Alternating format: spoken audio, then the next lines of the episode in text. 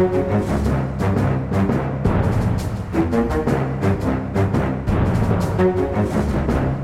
eh, da sitter vi her da, Kjetil.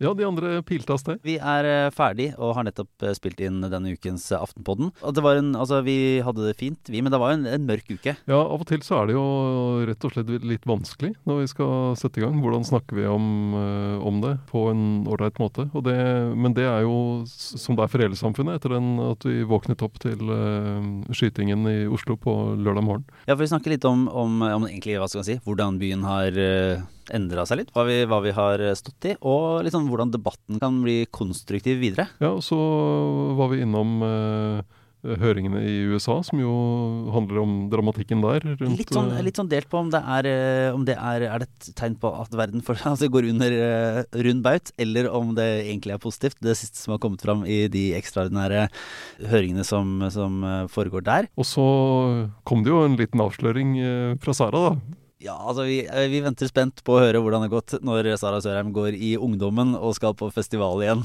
Det, det kan bli en opplevelse for, eh, for flere.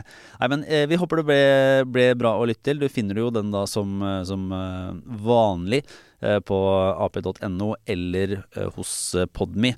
Så gå inn og lytt der og få med ukens episode. Ha det bra.